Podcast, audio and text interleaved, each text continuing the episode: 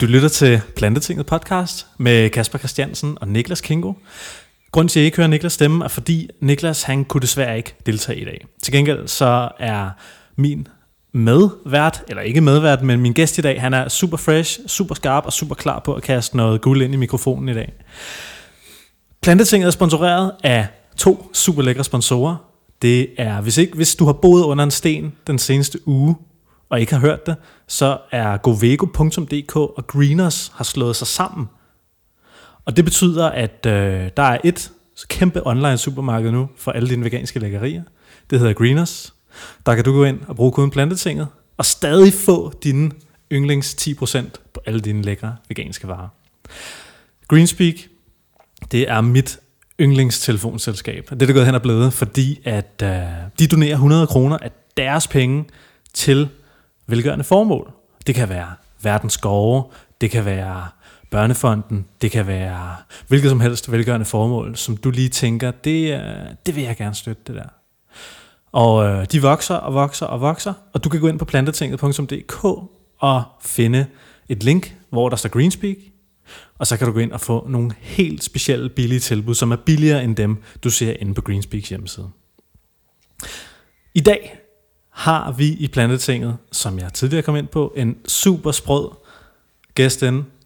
Han er vegetar, han er podcastvært, han er coach, iværksætter, Ironman-triatlet, og øh, så har du også tidligere været inde i vores podcast her i Plantetinget. Mm. Jeg, tror, jeg mm. tror, det var episode 8, så vidt jeg husker. Jeg kan ikke huske, hvad nummer det var, Kasper, men det er et stykke tid siden, talte vi lige om jo. Det var i april måned, tror jeg. Mm. Ja. Jeg skal lige sige dit navn. Ja. Martin Melcher. Martin Melcher. Velkommen tak. i Plantetinget. Mange tak, fordi jeg må komme tilbage. Ja, men jeg har prøvet så mange gange at få fat på dig. Ja, jamen det er, det er ikke rigtig lykkes før nu. Men nu skete det med kort varsel. Ja, det var super fint. Og nu står du her. Mm. Er du klar til at kaste noget øh, fløde, noget sojafløde ned i mikrofonen? sojafløde, ja, helt sikkert. Fyr den af med. Ja. Grunden til, at jeg har inviteret dig ind, er fordi, jeg har jo set på de sociale medier, at du har lavet en hel masse fede ting, og altså på det seneste, og det skal vi nok komme ind på i løbet mm, af podcasten. Mm, mm. Men øh, hvad kan man sige, fællesnævneren for os to, det er jo to ting. Mm. Det er for det første, så spiser vi rigtig mange planter. Yes. Det kan vi godt lide. Yeah. Og så dyrker vi triathlon. Mm. Og jeg kunne godt tænke mig at starte med, med planterne, fordi vi er jo i plantetinget. Mm. Det synes jeg er fint. Lad os gøre det. Jeg har nemlig set øh, på diverse Facebook-grupper online og sådan noget, at du har du coacher jo mm. nogle triatleter. Mm. Og, øh, og du har simpelthen haft nogle af dine, hvad kan man sige, klienter, eller dem du træner. Ja, det kan man godt sige, det er. Altså du, du er begyndt sådan at, at få folk til at spise flere planter af dem du coacher. Ja, i stor stil. I stor jeg, har ikke lige, jeg har ikke lige talt på, hvor mange der er der oppe på Altså hvor mange jeg egentlig har fået konverteret fra at være kødspiser til plantespiser. Øh, men det er faktisk en del. Og øh, sidst jeg var her, var jeg jo sådan relativt nyklækket vegetar. Nu vil jeg gå så langt som til at sige, at jeg måske er 6-97% plantebaseret. Det er meget lidt, jeg spiser af ægost, for eksempel. Mm. Det er meget, meget sjældent, ikke? Ja. Men jeg spiser det dog en gang imellem. Mm. Øhm, men jeg havde jo selv nogle fuldstændig vilde oplevelser med at gå fra en sådan overvejende dansk kost, hvor der indgik steg, spejepølse og svinekoteletter, øh, til at spise vegetarisk. Ikke? Mm. Det, var, det var helt vildt. For det første så tabte jeg mig en del, og min, øh, jeg sov bedre om natten og alt det her. Mm. Og jeg trænede bedre, restituerede væsentligt hurtigere. Øh, mit humør blev lysere. Alting var sådan bare lidt mere roligt og nice. Mm. Øhm, og så besluttede jeg mig for at gå lidt ind i det, og det var der, hvor vi to ligesom faldt over hinanden første gang. Ikke? Mm. Øh, det var så til det her famøse duatleren ude i Kongelunden, hvor jeg kunne kende dig. Ja, ja, ja. Øhm, men men jeg, der, jeg blev inspireret af jer i sin tid, til ligesom at, at prøve det mere, mere af, og har så haft øh, gode erfaringer selv. Øhm, så begyndte jeg at prøve at implementere det i kosten på nogle af de atleter, som jeg coachede i forhold til deres øh, Ironman eller ultraløb, de lavede. Mm. Og i løbet af kort tid kom de alle sammen tilbage og sagde, what the fuck, mand, det, øh, det kører det her. Altså det spiller, de tabte sig, og de havde mere energi, og øh, sådan bare en større glæde. Og det er, altså det er Ironman triatleter, du træner, og det er ultraløbere? Ironman triatleter, ultraløbere og ultracykelryttere har jeg fat i, ja. Okay. Ja. Meget af det handler om mindset, ikke? Altså, hvor jeg, mm. hvor jeg coacher på, på deres hoveder, frem for bare at smide træningsprogram i nakken af dem, men, men, men jeg er ligesom en vej, jeg vil hellere kalde mig en vejleder end, end, end en coach, fordi at alle kan downloade et eller andet generisk træningsprogram på nettet, og så selv danne sig sit eget billede af det, hvor jeg mere går i, i tanken på dem, kan man sige, eller hjernen på dem, ikke? Men det er folk, der har med udholdenhed at gøre, ja. Mm. Præcis. Så du, øh, altså jeg, jeg kunne ikke undgå at se, at øh, der har været på de her Facebook-grupper, så er der lige pludselig, hov, nu er der endnu en triatlet, der er blevet veganer, ja. øh, og fortæller med glæde om det, ikke? og hov, nu er der sgu endnu en, og, mm, mm. Og, og du ved, altså den her begejstring for at have taget det her valg for dem selv, ja. altså folk kan jo ikke holde det for sig selv, folk, folk skal jo dele det, ikke? Jo. jo. Og, øh, og så har jeg fundet, at de kommer fra dig, altså det er jo, det er jo, det er jo folk, du coacher, mm. og hvad, har du, altså er det noget du sådan, hvordan har du gjort det? Har du sådan sagt til folk, hey, prøv lige at spise nogle flere planter, eller har du sagt, hey, øh, du præsterer bedre, hvis du gør sådan her? Eller hvad, ja. hvordan har det ligesom været? Jeg har, jeg har egentlig prøvet at kaste lidt, uh, lidt fakta i hovedet på dem. Meget simpelt egentlig, mm. at sige, uh, kød ligger i tarmene så så lang tid, og det kræver energi at nedbryde, og det, du har bedre nogle fiber. Alle al de her sådan, ting, jeg ligesom faldt over, som, som gav mening i forhold til, altså for at konvertere mig dem, dem kastede jeg egentlig efter dem, så, så udfordrede jeg dem i et par uger, og sagde, prøv, prøv bare et par uger, og så se, om du kan mærke en, øh, en forskel. Og der gik ikke andet end 5-7 dage, så kom de jo tilbage og sagde, jamen Martin, jeg synes, jeg sover bedre, eller øh, jeg havde et sindssygt pas på home traineren her, hvor jeg bare rykkede de vildeste watt, og pulsen var mega lav, og øh, kan det have noget med kosten at gøre? Mm. Ja, det kan det sådan set godt. Øhm, og så fortsatte de så, og jeg skal ikke kunne sige, at der ikke også er andre ting, der har spillet ind på det, end kun kosten, men de havde bare hurtigere og bedre og større fremgang, end de havde set før, ved at være på en overvejende plantebaseret kost. Og, øhm, og så, så, var, så var lykken jo egentlig gjort for dem. Og så har jeg, kan jeg godt lide at se det sprede sig som ringe i vandet. I rørte mig, eller det vil sige en fyr, der hedder Mathias Kiefer, han rørte mig. Øh, I rørte mig også øh, sådan indirekte med, at jeg lyttede til jeres podcast, og så er mine ringe i vandet ligesom begyndt at sprede sig. Ikke? Mm-hmm. Jeg tror, jeg måske er en, har en 10-15 stykker, som øh, har taget springet og ikke spiser kød mere. Det er jo, det er jo sådan rimelig vildt at tænke på, synes jeg. Ja, ja, jeg prøver at gå lidt ydmygt til det, fordi jeg kan egentlig ikke lige blive, jeg kan ikke lige blive, blive kigget på og dømt som ham den frelste. Nej, nej, nej, nej det kan så, jeg godt forstå. Så når, så når folk de spørger mig, så siger jeg, men prøv, jeg vil gerne fortælle dig historien. Mm. Øhm, men jeg vil bare ikke have, at du kigger på mig med, øh, med du ved, skeptiske øjne. Lyt til mig, hvad jeg siger, og så danner dit eget billede, prøv det af. Klar. Det virkede, det virkede for mig. Helt sikkert, mand.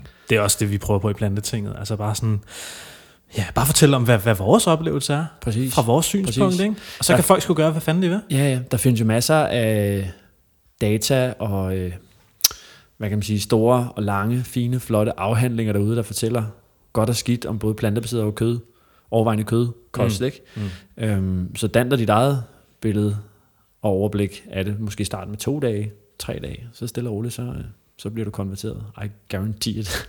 Og du har jo den her podcast, der hedder Martin Melcher version 2.0. Ja. ja. Som jeg har lyttet til med, med stor iver. Uh, og det vil jeg også anbefale jer lytter at tjekke den ud, hvis, hvis du uh, er lidt nørdet med, ja, bare sådan at, at lave noget vildt. Mm. Uh, det er fandme nogle vilde uh, personligheder, du har inde, Martin. Ja, jeg besluttede mig egentlig for, da jeg startede podcasten, ikke? At det, det var jo lige i, uh, i kølvandet af jer. Jeg tror, jeg er en 5-7 afsnit bagud i forhold til jer.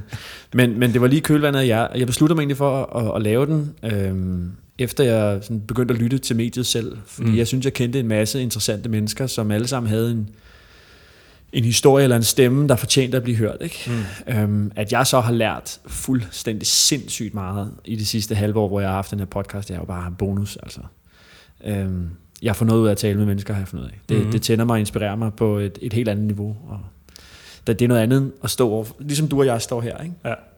og taler sammen face to face, det er noget helt andet, end at sidde og stige ind i sin telefon og bare knalde messengerbesked af. Fuldstændig. Ja, ja. Fuldstændig. Jeg har, lært, jeg har også lært fucking meget ja. af de mennesker, jeg har haft inde. Ikke? Mm. Og du ved, det er også fedt, sådan, og jeg synes, det er fedt sådan at sige, hey, jeg har en podcast, vil du ikke lige med ind og blive ja. interviewet? Ja. Og det er sådan, alle, eller de langt størstedelen af de folk, jeg har sagt det til, har været sådan, jo, helt sikkert, mm. super fedt, det vil jeg sindssygt gerne. Ja.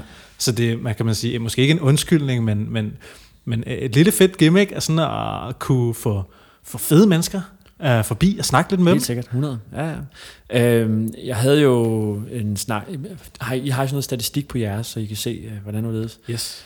det stak helt af for et af mine afsnit, kan jeg huske, hvor jeg bare sad sådan, okay, der, der er noget i det her. Ikke sådan, når man tænker monetizing og sådan noget, fordi det er ikke et, et objektiv for mig. Men der var jo tusind mennesker, der havde downloadet, unikke downloads på en episode, jeg havde lavet med en fyr, der hed Kenneth Carlsen, Mm. øhm, som har været øh, tidligere heroinmisbruger, og nu har sin egen virksomhed som fysioterapeut, og kører rundt i en Porsche og sådan noget, har det for vildt. øh, øh, jamen, det, han er bare sådan en succeshistorie. Ja. Øhm, mega inspirerende type, og det er jo netop, altså de mennesker, de findes derude. Ja. De er der bare. Ja, ja, ja. Og, og øhm, deres historier er så inspirerende, at altså, de, de fortjener bare at blive hørt, synes jeg. Så det er den type, jeg helst vil snakke med. Jeg er jo ikke, min, min podcast er jo ikke plantebaseret som, som jeres. Øh, det kunne sagtens være en, en rød tråd en gang imellem, Mm. men det er sådan set mere en inspirationspodcast. Og det er jeg i hvert fald blevet. Jeg er sgu blevet inspireret Fedt, det er jeg glad for. af, af nogle af de vilde gutter, du har haft inde. Mm. Hvad synes du sådan har været øh, den... Altså nu, nu er folk jo forskellige. Ja. Hvad har sådan været den vildeste person, du har haft inde indtil videre? Oh, jamen, de er jo alle sammen, øh, de har alle sammen en, en historie, der trykker på et eller andet i mig. Ja, ja, ja. Øhm, man kan sige, jeg, jeg kan få lige så meget ud af at tale om iværksætteri og, øhm, og, og iværksætteri kroner og øre, som jeg kan få, få ud af at tale med, med Q, som var inde øh, her for nylig og tale om, at han, hans tid som... Øh, øh, hvor han, var, han har været bådflygtning, alt det her, øh, og kommet til København og har lavet dobbelt Ironman og alt muligt, ikke? Mm. Som, så, så jeg kan ikke rigtig pege på en, der er sådan meget specifik, at den fedeste snak, øhm, de er alle sammen noget, som, som lærer mig noget. Mm.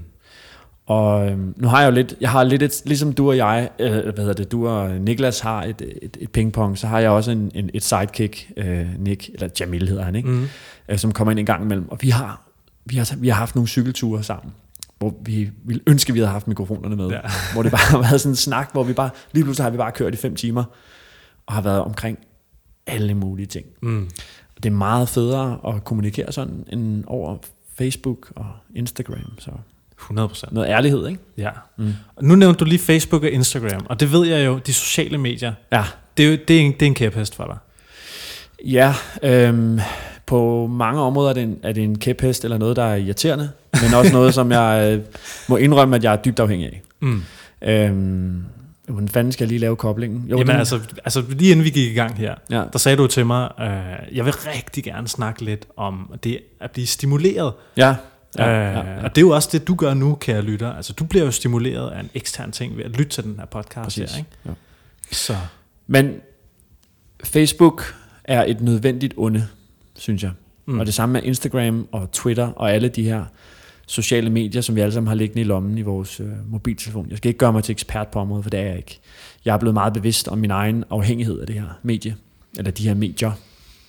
Egentlig mest fordi, at jeg er i forbindelse med min coaching prøver at videreuddanne mig også, og har, har så koblet noget vanecoaching på. Ikke? Mm. Øh, på den første sådan vanecoaching uddannelsesweekend, jeg var på, der øh, skulle jeg selv lige igennem sådan en, en session. Vi skal øve os på hinanden jo. Mm. Og øhm, der, der skulle vi smide et emne op, som vi ligesom tænkte, det kunne, vi, det kunne være interessant at blive coachet på. Og så, så nævner jeg, at min, min, min, min brug af mobiltelefon. Mm. Øhm, en halv time efter var jeg helt smadret. Jeg var helt i kuldkælderen. Fuldstændig. Fordi det gik op for mig, hvor meget jeg egentlig var på min mobiltelefon. Mm. Det, det, det er ikke bare du ved, en halv time om dagen, det var flere timer. Mm. Øhm, alt lige fra at kommunikere med atleter, øh, eller skrive en mail, øhm, tjekke notifikationer, skrive messengerbeskeder til ungerne, til min kæreste, til alle mulige. Mm. Det var mange timer, som der ligesom gik med det. Mm. Og det skræmte mig ret meget, fordi jeg kunne jo godt, jeg kunne, jeg, når jeg så tænkte ekstra meget over det, så kunne jeg jo fornemme, at min opmærksomheden på mine børn for eksempel, den forsvandt nogle gange til fordel for mobiltelefonen. Mm. Og det er helt ærligt snak. Det, folk, der har børn, ved godt, hvad jeg taler om. Mm. I hvert fald. Så, øhm, så derfor så, så har jeg måttet erkende, at jeg er nødt til at gøre noget ved det. Mm. Øhm, og i den forbindelse vil jeg gerne hjælpe andre med at gøre det samme. Det er netop derfor også, at, at vaner er et interessant emne at tale om. Ikke? Men helt konkret, når du får en notifikation på din Facebook, så er det, øh, Så er det, ah, ah, mm. ja, følelsen af, ah, ikke? det er dopamin lige ind i hjernen. Ja, ja. Bum, helt simpelt. Ryg, Yes. smøg, det samme. Nu sker der Øh, noget vildt, Nu sker der, et, jeg ved ikke, om det er vildt, men det er bare sådan en, en, en øh, Men potentielt set, nu, nu, kan, nu kan der ske en, nu er det en livsændrende begivenhed, der sker, ikke? mm, jo, jo, Det kan det potentielt være, måske. hver gang du får en notifikation. Ja, ja, nu er en eller anden slået op med en anden. Det kan man jo se nu på Facebook. Mm. Nu er de ikke et forhold mere. Mm. Okay, afslutning på forhold står. Okay. Det synes jeg altså også er mærkeligt at dele på Facebook, hvis du spørger mig. Ja, hu- det, er- det er så mærkeligt. Og det er så mærkeligt. Og, men, men der er folk, der, der, der virkelig lever i den der verden. Der Mm. var et, øh, der var et øh, sådan online univers engang, der hed Second Life. Mm, mm, Har, har du hørt om det? mm. Men det var sådan hvor man købte karakterer, så kunne man købe tøj til dem og købe lejligheder og sådan noget. Der var folk, der, der levede og åndede det her, og brugte flere hundrede tusind kroner på at købe en lejlighed i en fiktiv verden på en computer. Så underligt. Det er så mærkeligt. så underligt. Men, men, men det er jo lidt det, vi er i gang med med Facebook. Det koster bare ikke penge. Mm, Altså, vi lever i en verden øh, bag en skærm, ikke? mm, Og det er derfor også, at det her med at få folk ud til et podcast, det giver så meget mening for mig, fordi jeg har dem, jeg kan kigge dem i øjnene, mm. og jeg kan høre deres stemme. Klart. Og det er ærligt. Det er noget helt andet, end man sidder og gemmer sig bag sin, øh, sin skærm. Fuldstændig. Ja. Fuldstændig enig. Men det her med øh, vaner og dopamin, fix og junkie og sådan noget, det er en rigtig god øvelse at prøve at tænke lidt over, hvad man egentlig går og har af, af dårlige vaner, eller hvad man har af mål, hvor ens dårlige vaner egentlig er med til at gøre, at man ikke opnår de her mål her. Mm. Kan du komme med et eksempel? Måske med dig selv? Øhm, ja, problemet er, hvis man, hvis man gør, det, hvis man gør sin, sin målsætning sådan meget universel, øhm, så er det svært at arbejde med vaner på den bekostning.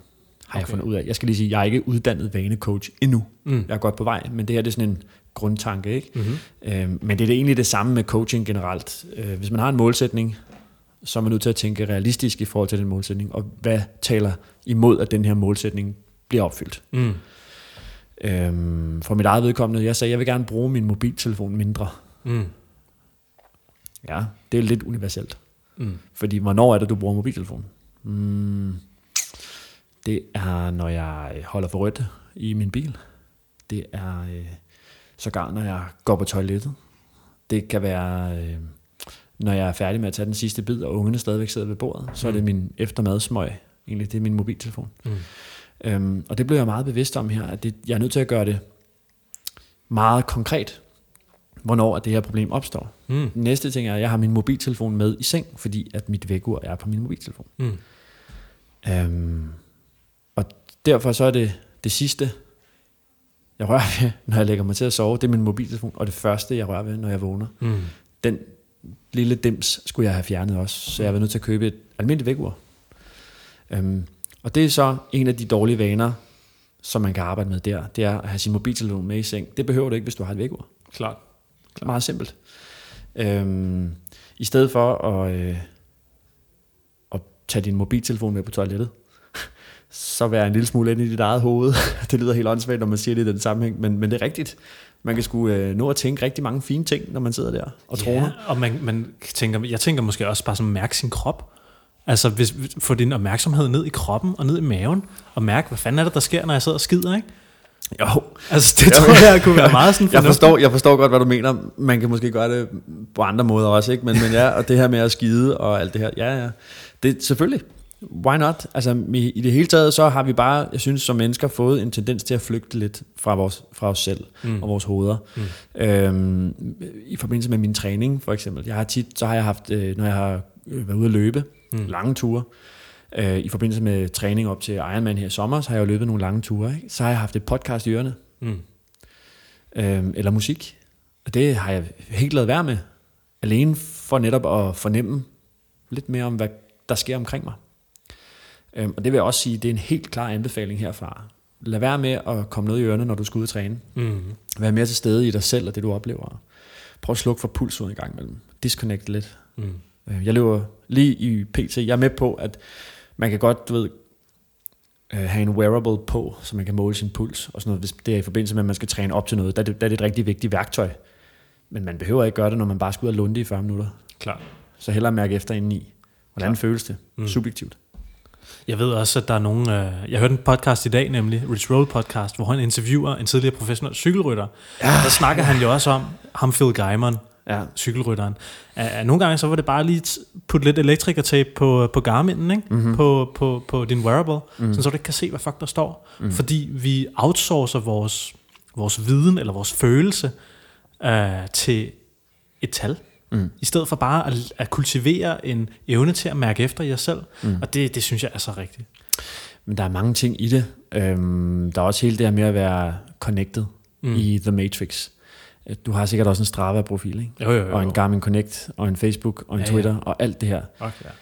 Hvis du ved, hvor meget data du giver væk om dig selv, som bliver brugt til at markedsføre til folk, der er lige nøjagtige ligesom dig, Mm. det er jo det, der er freaking skræmmende, ikke? Jo, jo. Øhm, og det er, det, syn, det er sådan en anden tanke, jeg egentlig godt kan lide ved at koble lidt af. Det er, at, at øh, jeg kan godt lide at, at være lidt hemmelig. Mm.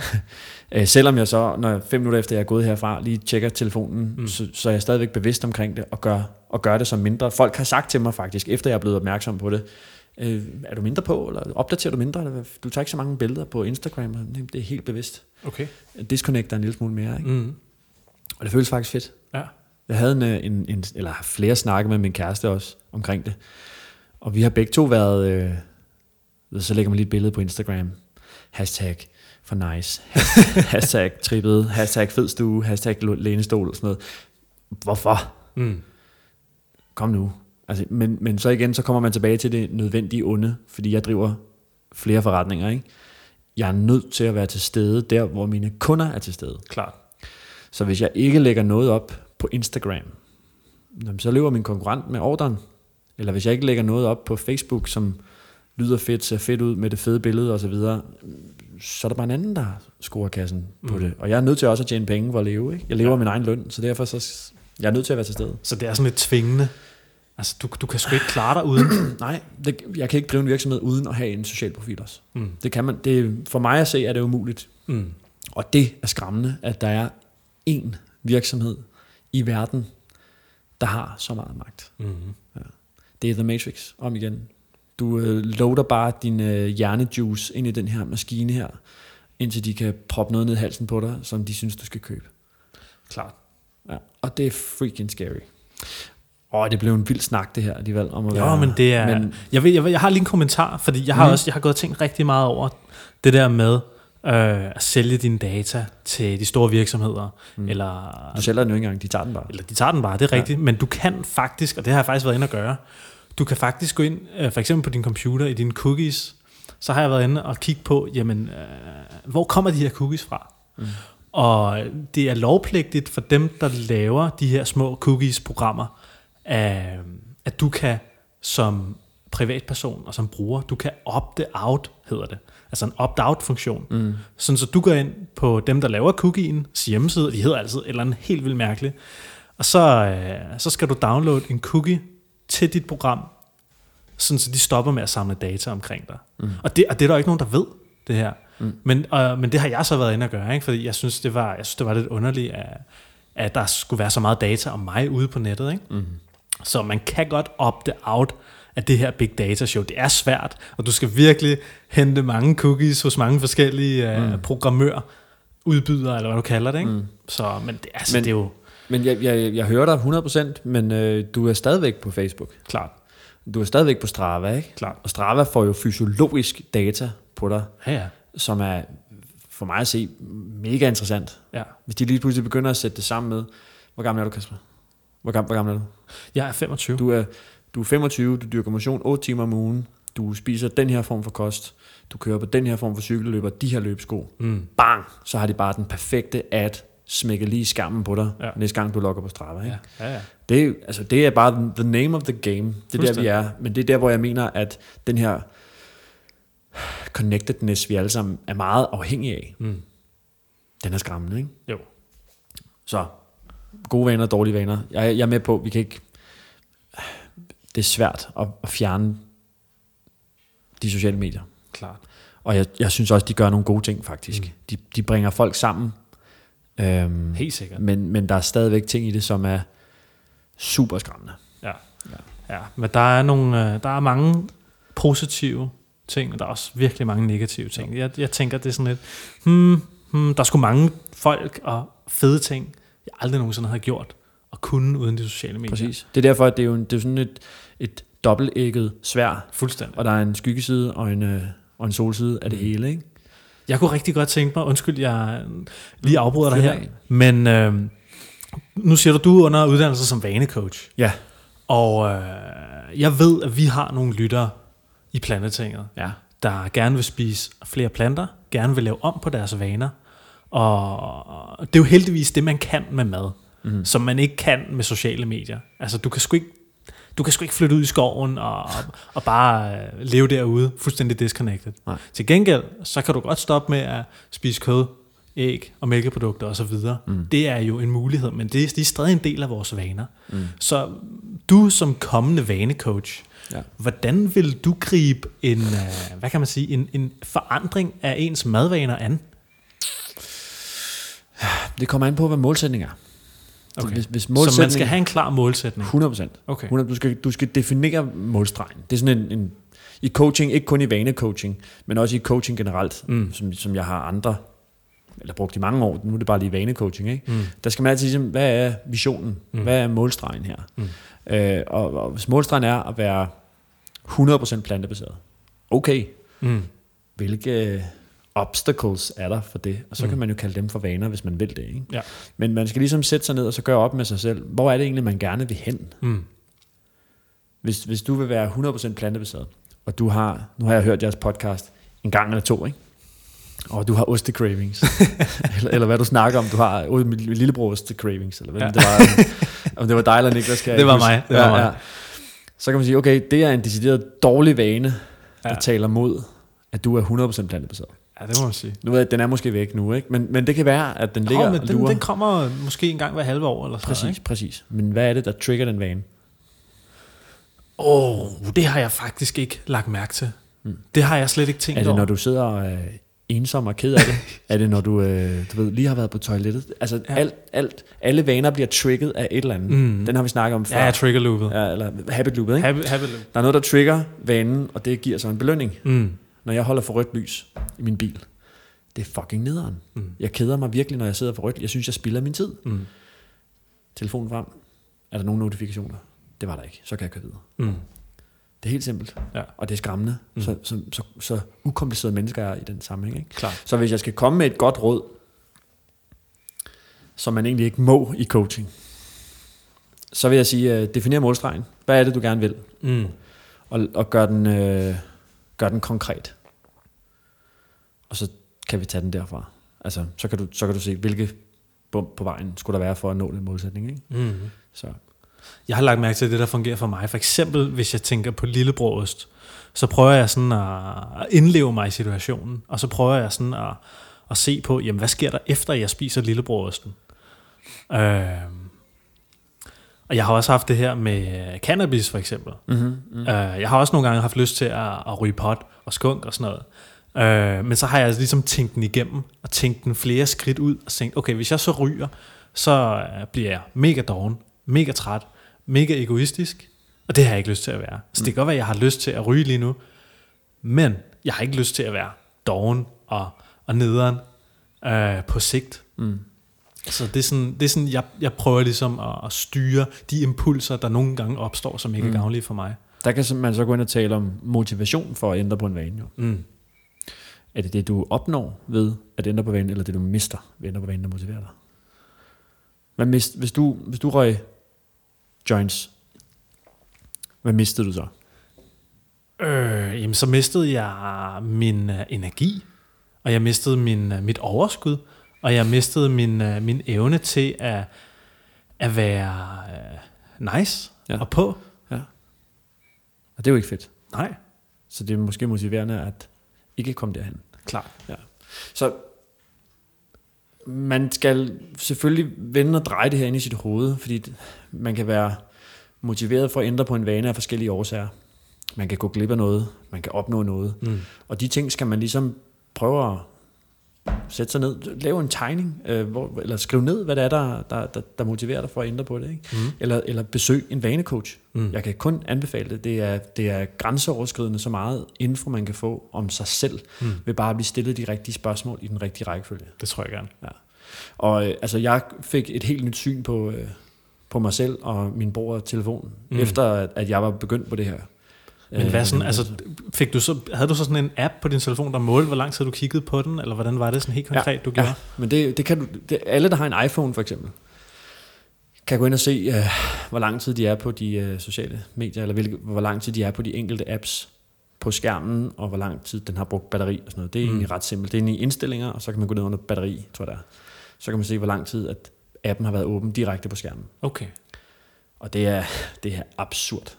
Ja, okay. Så lidt skræmmende tanke egentlig. Ja, ja, ja. Øhm, men jeg kan kun anbefale jer at komme i gang med at arbejde med de her vaner. Jeg tror også, jeg kan ikke huske, hvor jeg har hørt eller læst det, men alle sådan trends og tendenser går mod, at personlig udvikling, netop det her med at, at være i stand til at øh, håndtere sig selv. Mm. Det er bare noget, der er on the rise. Ja, helt sikkert. Helt vildt, ikke? Hvad fanden var det, jeg læste i uh, politikken eller sådan noget? Altså, millennials, altså børn, der er født efter Oh, øh, nullerne, ikke? Jo. de drikker mindre, de har færre sådan, uh, altså misbrugsproblemer, og Mm, mm, du ved, de klarer sig bedre i skolen og sådan noget. ja. Sådan som jeg forstod det. Ja, men de er, ja, lige præcis. Millennials også, de, de, er, de er også lidt svære øh, i forhold til det her med øh, at søge hjælp. Mm. Ekstern hjælp eksempelvis. Jeg kan ikke helt forklare det. Jeg, kan- jeg kan anbefale, at man går ind, og så søger man på YouTube på øh, Simon Sinek, comma millennials inde på YouTube. Han Hvordan har staver man det der Sinek? S-I-N-E-K.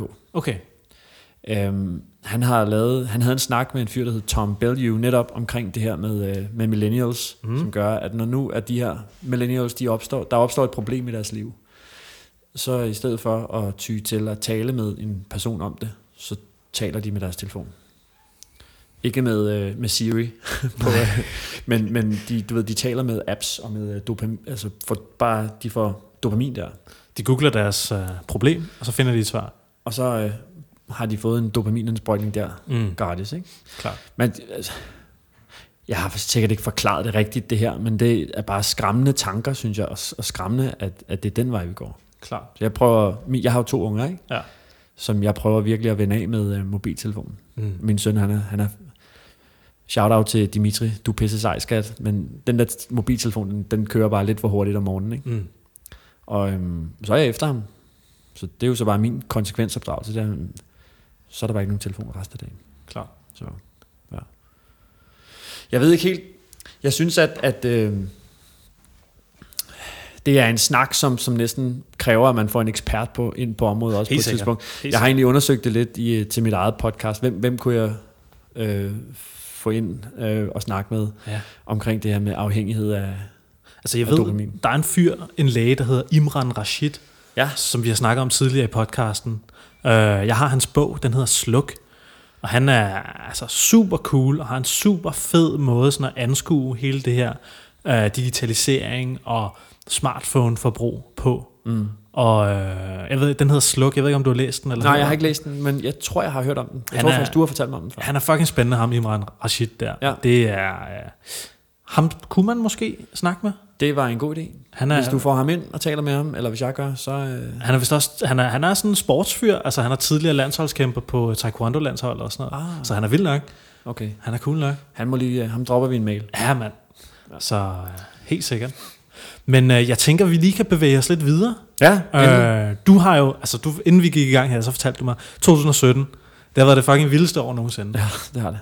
Og øh, jeg har fulgt med, jeg har jo fulgt med dig på de sociale medier. Øh, du har jo været ude og, øh, altså du har jo lavet Ironmans, du lavede Challenge Roth her for nogle måneder siden, to mm. måneder siden, tror jeg det var. Ja, ja. Øh, og så har du coachet en fyr, der hedder René, som har løbet øh, op og ned af Alpe d'Huez otte gange. ja, ja. Så har du været med til øh, Danmarks største cykelløb på Snor Danmark rundt. Mm. Kan du prøve at, at give sådan et kort vy af, hvad fanden er der sket for dig det her år her? ja.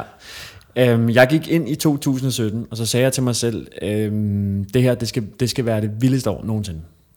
Og det har, det har ikke skuffet. øhm, jeg gik ind i det med, øh, med sådan en, en, en total fed positivitet. Jeg ændrede min kost.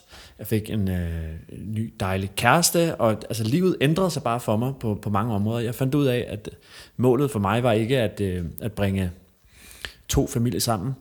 Min kæreste har også unger og sådan noget. Øhm, og, og, så derfor så det er bare mig og mine unger, når vi er sammen. Mm.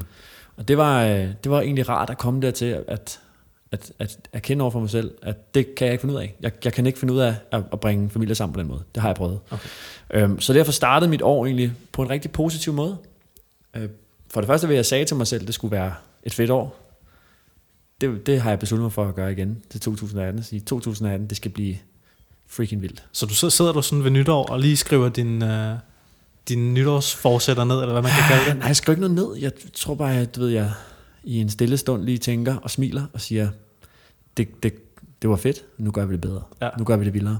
Mm-hmm. Øhm, men i, i foråret var jeg på Mallorca og cykle. Nej, i februar måned var jeg i uh, Malaga og cykle op og ned ad bjergene sammen med, med Jamil, min body. Øhm, og i maj var jeg på øh, Mallorca og cykle op og ned ad bjergene med min kæreste. Og jamen, så skulle jeg lave den her Ironman i øh, juli måned nede i Rot. Det er verdens største løb, ikke? Mm-hmm. Øhm, som også var en kanon vild oplevelse. Hvis du får muligheden, Kasper, så som, som triatlet, så, så skal du, det skal, være, det skal på din bucket list, det der. Okay. Det er, det er kæmpe, kæmpe, kæmpe stort. Hvordan Øh, var det? Kan du lige prøve at fortælle lidt om det? Challenge Road? Ja, altså, det ligger i Sydtyskland, Mm. og øh, hvis man har været i Tyskland, så vil man vide, at der er ret stor forskel på nord og syd. Øh, og øst og vest, for den Mm, sags skyld mm. også. Men jeg elsker Sydtyskland. Hele det der øh, Bayern-distrikt der, det er virkelig lækkert. Og området er smukt, og det oser lidt af tyrolerstemning og sådan, ikke? Øhm, og stævnet, for hvad det er, jeg mener, der er 5.500 deltagere. Hold da kæft, mand. Ja, og så kan man sige, hvordan kan de have plads til alle de mennesker? De, de får, de, det virker for dem. Det er tysk grundighed, det virker bare. Mm. Og man svømmer i en øh, i Main-Donau-kanal, som er, den er helt grøn. Øh, Man kan ikke se ret langt frem for sig. Vandet er ikke særlig klart, men, Okay. øh, men det er en kanal, hvor man, hvor man svømmer frem og tilbage under to broer. Og på de her broer her, der står der flere tusind mennesker og kigger ned. Hvis du har været ude og kigge til Chal, eller til øh, Ironman København, Ja. der svømmer man også Ude under Strandpark Ja, der. præcis. Der svømmer man også under nogle broer, Ja. som også det er en fantastisk oplevelse. Men i Rot er der ja, måske fire gange så mange mennesker på dem. Hold da kæft. Der er fuld gas. Ja. Efter svømmen, så, øh, så cykler man rundt i øh, to omgange øh, i området der. To loops af 90 km. Som også er smukt. Et, et sted kommer man op over noget, der hedder Solar Hill. Øhm, der er så mange mennesker, at de flytter sig for dig, ligesom i Tour de France. Fedt. Øh, Når jeg tænker på det, så løber det koldt ned ad ryggen på mig. Altså på den fede måde. Fordi det, det er virkelig en kæmpe, kæmpe stor oplevelse. Okay. Det, det, bliver også det bliver udsolgt på 50 sekunder, tror jeg. Hold da kæft. Ja, 5.500 pladser. What? Whoopty, væk. Nej. Um, og så løber man normalt rundt nede ved, øh, i sådan en stjerne nede ved, øh, ved en anden kanal, der ligger lige i området. Ikke? Det har de så lavet om i år. Uh, og jeg skal ikke lyve, jeg gik, uh, jeg gik til stævnet med en målsætning om at komme under 10 timer. Og havde trænet rigtig godt, og alle mine tal viste også, at jeg kunne, og, og sådan. Ikke? Uh, jeg gik så i stykker på løbet. Aha. Øhm, egentlig fordi de havde lavet om på ruten, tror jeg. Det er lidt undskyldning, jeg kommer med. Jeg var i god form. Øhm, jeg svømmer 3,8 km på en time, og cykler 180 km på 5 timer, og parkerer cyklen efter sådan 6 timer og 5 minutter med skift. Og så havde jeg 3 timer og 55 minutter til at, at lunde en, øh, en maraton. Ikke? De har så, øhm, man skal løbe, så har de lavet ruten om, så man skulle løbe den to gange, løberuten. Mm. Og så har de lagt en bakke ind, som ikke bare var en bakke, det var nærmest et bjerg jo. Hold da kæft. Uh, to og en halv kilometer løber du lige op i himlen, Ej. Og så løber du to og en halv kilometer ned igen. Ja. Og det gik jeg bare lige på det tidspunkt i stykker af. Ikke? Aha. Ja. Uh, bare lige for at sætte tingene i perspektiv. Uh, verdens hurtigste Ironman er lavet dernede. Jan Frodeno, han kørte 7 timer og 35 minutter eller sådan noget. Hold da kæft, mand. Den blev vundet i 8 timer i år. Okay. Og det viser bare, at de har, de har lavet voldsomt meget om på det. Ikke? Mm. Damernes vinder, hun havde proklameret, at hun ville slå ruterekorden, som er 8 timer og 20 minutter eller sådan noget. Mm. Hun kørte 8 timer og 40, Okay. og var træt, da hun kom Ja, ind. Ikke? ja. Så den er blevet hårdere. Mm. Så det er, det er okay, det der skete for mig dernede. Jeg havde en fed dag. Okay, men du siger, gik i stykker, altså blev du skadet, eller hvad fanden skete der? Ja, jeg fik faktisk vrøvl med mit venstre skinneben, af at løbe nedad. Ja. Øhm, Det var på asfalt, eller hvad, nedad? ja, ja, Ja, ja. ja, ja. Og det har, jeg, det har jeg på ingen måde, jeg har ikke kunne træne og, kunne, og løbe nedad 5 km. Det kan man jo ikke i Danmark. Overhovedet ikke. Øhm, så, så det ødelagde mig lidt. Mm. Øhm, og sat lidt en dæmper på gemytterne. Ikke? Men, Ja, ja, ja. Men jeg havde, da jeg kom i mål, var jeg super glad og super tilfreds. Egentlig fordi jeg havde fået det bedste ud af det på dagen. Jeg var lige nede at gå øh, et langt stykke faktisk, fordi det gjorde skide ondt. Og der havde jeg virkelig ondt og mega bagfjæs. Mm. Men valgte trods alt at sige, okay, bare fremad. Så på et eller andet tidspunkt, så begyndte jeg at løbe igen, og så var det det. Så fed oplevelse. Vildt. Ja. Og så efter det, Ja, i løbet af året, Ja. vi, vi er stadig i gang med det der vy for dit år. helt sikkert. Jeg skal lige sige, alt i, i, igennem det hele, det hele det her, har jeg jo været øh, vegetar. Øhm, overvejende plantebaseret i hvert fald, ikke? Mm-hmm. Og øhm, oplevede også nede i Rot, at, at det fungerede. Okay. Både med det mad, jeg kunne få dernede, men også hvordan at jeg havde det, og skulle lave en Ironman på det her. Jeg er jo ikke den første plantebaserede, eller overvejende plantebaserede triatlet. Og der findes jo nogen derude, der er super hurtige. Altså professionelle triatleter, ikke? Mm. Det kan godt lade sig gøre. Sagtens. Klart.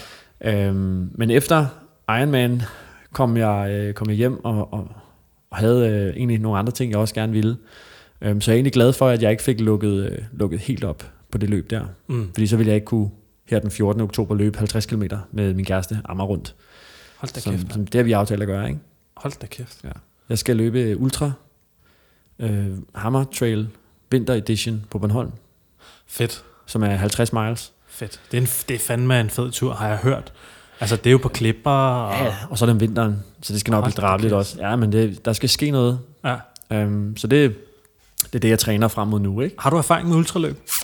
Uh, kun i forhold til, at jeg har, har coachet folk i det, har løbet øh, 50 km før. Okay, Men, men, men, men ellers ikke. okay. Ellers ikke. Jeg har, jeg har prøvet at løbe et ultraløb før, og der, der måtte jeg simpelthen udgå efter 43. Ja. Der var jeg, der var jeg helt... Der, der, der, var, der var ikke mere. Jamen, folk undervurderer det. De, Fuldstændig. Jeg under, for havde undervurderet det. ja. Altså, jeg, jeg har overhovedet ikke... Altså, jeg tænkte sådan, okay, fuck mand, det her, det kræver jo års træning, Mm. at kunne, at kunne holde til det her. Fordi mm. altså, min, min, min, mine sener i benene, de, de stod helt af. Jeg havde, jeg havde kæmpe smerter. Ja. Altså, så jeg dårligt nok kunne gå til sidst. ja, så kan vi så vente, når man så snakker om Renny. Min tur med Renny i Frankrig. Ikke? Mm. Uh, Renny er en ultraløber, som jeg lærte at kende uh, sidste år. Han kom til mig og sagde, at uh, han skulle trænes op til at løbe et 24-timers løb ind omkring uh, en sø inde i, i København. Øh, hedder det Ingrid Marie-løbet, eller, eller jeg kan ikke huske det. Okay. Bare 24 timer rundt om den samme sø. Ja, shit, mand. Og der endte han øh, med at have løbet øh, 160, 140 km, tror jeg. Hold da kæft, mand. Mm. Vi fortsatte øh, samarbejdet, og han skulle, øh, så var han med i det her tv-program, der hedder Korpset på TV2, som vi også trænede ham op til. Og fortsat samarbejdet endnu en gang, fordi han besluttede sig for at ville samle penge ind til øh, Alzheimers foreningen ved at løbe et eller andet fuldstændig vildt. Øh, hans far har Alzheimer, Mm. og derfor ville han gøre det som en good cause thing. Ikke? Han, han øh, besluttede sig for at, at lave det, der hedder en Everesting, øh, som er øh, at løbe samme antal højdemeter, som Mount Everest er. Ah, det er fuldstændig Ja, sindssygt. ja, det er Hvad fuldstændig er det? 8.500 eller andet? Ja, de vertik, vertikale Ja, højdemeter, vertikalt. ikke? Det, det skulle han så øh, løbe. Jeg kan ikke huske, hvordan regnestykket ser ud, men han ender med at have løbet over 17.500 højdemeter, tror jeg nok der. Han skulle løbe otte gange ned og otte gange op Ja, det er crazy. af, af Alpe d'Huez. Ja, det er fucking sindssygt. To, 200 og 240, t- nej, 224 km Mm. endte med. Ja. Og øh, jamen det var, jeg var med som crew. Øhm, han havde lavet et fedt setup med nogle biler og lejet øh, en, en, øh, et hus øh, lige sving 5 på d'Huez. Det er jo sådan en meget mytisk og legendarisk bjerg. Jeg ved ikke, om du nogensinde har været der. men Det er, Hollænderbjerget kalder de det. Hold, øh, de har jo noget, der hedder Hollænder Svinget. Hollænder det her bjerg. Svinget, ja. Og det, det er noget, René har set mange gange, både op og ned. Ikke? Ja. øhm, jeg havde æren af at løbe med René øh, tre gange. Aha. Øhm, en gang ned og to gange op. Mm. Så jeg fik også, øh, og den er 14, øh, 14 km hver gang. Så jeg fik, fik, lige, du også lige nogle kilometer i benene? jeg fik lige 42 km i benene på det bjerg der. Og jeg synes, det var hårdt. Han gjorde det så lige pænt mange gange mere. Ikke? Nej, det er vanvittigt. Ja. Jeg havde den sidste tur med ham op. Øhm, jamen, i det hele taget, den weekend, det, det var fuldstændig vildt. Den første dag, han startede klokken 9 om morgenen om fredagen, øhm, i høj solskin. Sindssygt lækkert vejr på toppen af Alpe. Vi stod i t-shirts og shorts, Mm-hmm. og han blev stegt. Altså, virkelig. De første 6 timer var hårde ved ham, fordi at det var tæt på 30 grader, ikke? Hold da 35 kæft, grader. Ja, det var rigtig varmt. Og øhm, lige pludselig, så, så kom mørket, og så blev det bare koldt. Og så blev han afkølet. Så, så på med noget tøj, og så ændrede løbet helt karakter for Mm. ham, ikke? Og det var også rigtig spændende at stå i også og skulle styre hans mad, og øh, sørge for, at han drak, og Hvad hældte du på ham af mad? øh, han fik en masse pasta. Okay. En masse gode ting, kulhydrater. Og, altså, men når man er derude, hvor han var, både mentalt og fysisk, så skulle han bare have noget energi. Så kanelgifler, har lyst til det? Ja, Mm. kom med det. Så ud af han en pose, ikke?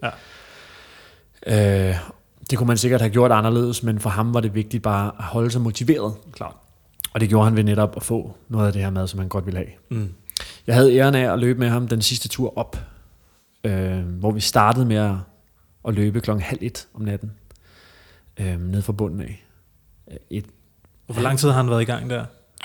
40 timer, 40 timer. uden at sove Hold da kæft. overhovedet. Han har været nede og ligge et par gange i bilen lige at få øh, en kort massage, og så noget, noget mad og noget cola, og så afsted igen. Ikke? Det er kraftet med seriøst, ja. Der. Der var, jeg var, det var der, hvor jeg tog crew chief hatten på og sagde, René, det er meget fint, du lige ligger i 10 minutter her, men jeg er nødt til at holde dig i gang, fordi ellers så øh, musklerne, de, øh, de, ja, lå, ja. de låser bare, Ja.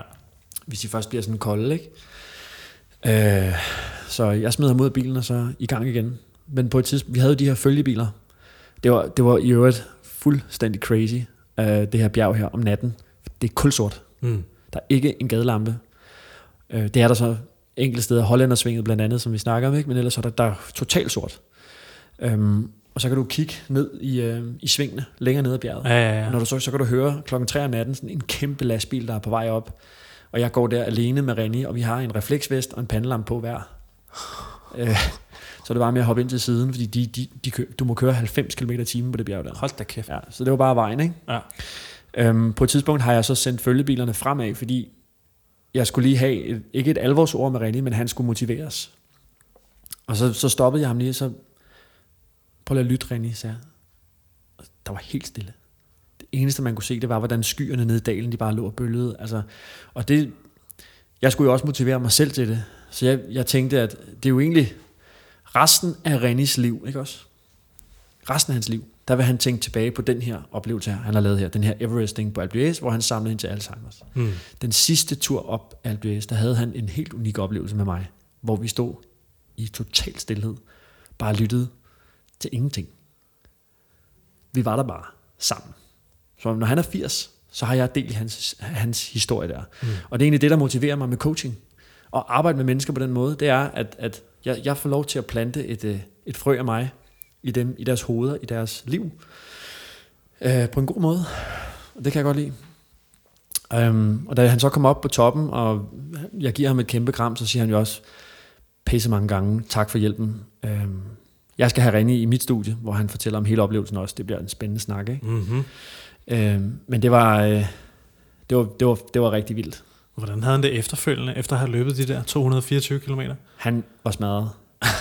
han kunne, han kunne øh, altså det var som om, at lige så snart han kom op på toppen, klik, sagde det, så slukkede kroppen, ikke? Aha.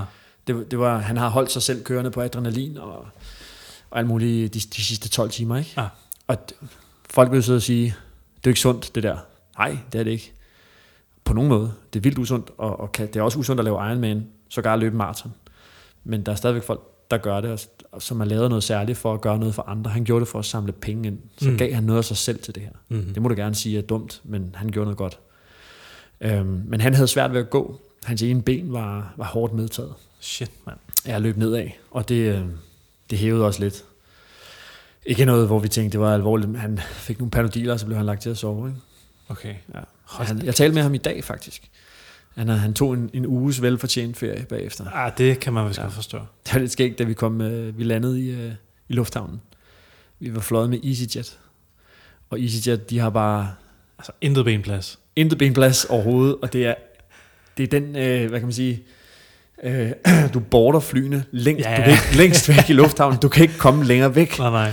Overhovedet. Vi kommer af flyet og kan godt se, okay, der er jo sådan cirka halvanden kilometer ind til vores bagage eller et eller andet. Ikke? ah, ah. Øhm, og der var ikke nogen rullestol, som vi kunne gøre med. Øh, det hele det startede. Den dag, hvor vi skulle hjem, var helt kaotisk, fordi vi kom for sent ud af døren, og bilerne skulle tankes og indleveres, og det var et gedemarked. Øhm, men vi nåede heldigvis flyveren, ikke? Øh, vi, vi havde så ingen kørestol, da vi lander, så vi smed ham op i sådan en bagagevogn og kørte med ham, og det var sådan en helt vakkelvogn, og folk de glodede bare på os. Hvad laver I, mand? Jamen, he cannot walk, he cannot walk. Hold da kæft. Ja, vild tur. Og det er jo så her for et par dage siden, men der har været mange ting. Ej, det er et par uger siden, jeg kom hjem med ham, ikke? Mm. Øhm, det var fedt at være crew, faktisk. Rigtig fedt. Jeg skal også være crew igen næste år for en anden, jeg træner for. Hold da kæft. Kan du løfte sløret for, hvad der skal ske? Han har talt om, at han skal til Indien og løbe et, et vildt løb. Der vil jeg meget gerne med. Mm. Øh, men ja, vildt. Så var der det her øh, PostNord Danmark Rundt, Mm-hmm. hvor jeg også var... Øh, jeg har jo det her firma, der hedder Full Carbon, hvor vi laver cykelhjul, og vi er sponsor for et hold, der hedder BHS Almeborg Bornholm, øh, som havde spurgt, om vi ville være med, som øh, altså sidde i følgebilen med sportsdirektøren. Ikke? Mm-hmm. Øh, det ville jeg sgu gerne prøve. Total drengedrøm. Men det var... Ja, hvor, jamen, altså, jeg tænkte faktisk på vej derover, hvor fedt er det egentlig at sidde og køre 40 km i timen i 200 km efter et felt, fordi ja, vi kunne faktisk ikke rigtig se så meget. Vi lå jo... øh, Følgebilerne bliver jo sat i en, i en rangorden, Mm. og de har to følgebiler med hvert hold. Og vores nummer et følgebil var relativt langt fremme, og jeg sad så i nummer to lidt Ah, længere okay. tilbage. Men, Ja. men stadigvæk at opleve det der spil og høre på radioen, hvordan det hele det kører, og øh, du ved, det der med lige at lange en flaske, og sådan, noget, det er mega fedt. Ja. Det er mega sejt. Mm. Nu er jeg også nørd i den verden, så ja, øh, hvis du får muligheden, og du er cykelnørd, gør det. Mm. Det var rigtig fedt.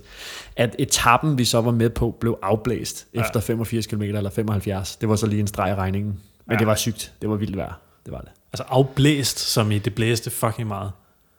Ja, det kan man godt sige. De, øh, vi hører, vi har jo øh, turradioen, den kører, ikke? Mm-hmm. Øhm, og øh, hver gang der er en defekt, eller en punktering, eller et eller andet, så siger øh, kommissæren, "A- Astana Service, Astana Front Wheel, Astana Back Wheel, eller Almeborg Back Wheel, eller et eller andet, så handler det for bilerne om at komme op så hurtigt som muligt. Ikke? Øhm, lige pludselig så siger de så, stage is cancelled, stage is cancelled. Og der holder vi ude på, øh, på Fyn et sted, øhm, væk fra lands lov og ret, helt ud til vandet Mm. og det blæser bare totalt vildt. Det var, det, det var fuldt, træerne knækkede omkring os. Hold da kæft, mand. Og de her professionelle cykelryttere på cirka 62 kilo, som ikke har et øh, gram fedt på kroppen, de kom jo helt forkommende tilbage til bilerne. Ikke? Ja. Altså vi proppede, øh, du kan forestille dig, to, to Ford, Ford Focus eller Mondeo størrelse biler med øh, syv personer i hver, bare for, for at få varmen. Ikke? Hold da kæft, mand. Ja, det var vildt. Vild oplevelse. Shit, mand. Men øh, som sagt, 2017 sagde jeg til at starte med, skulle være et vildt år, og det har bestemt ikke skuffet nu, og vi er ikke engang færdige nu. Der er På lang tid igen. Ja, jeg lover dig, jeg, jeg, jeg løfter sløret for endnu mere på et senere tidspunkt. Vildt. Ja. Fucking sindssygt. Mm-hmm. Jeg tager lige noget drik. Ja, gør det. Gør det, gør det.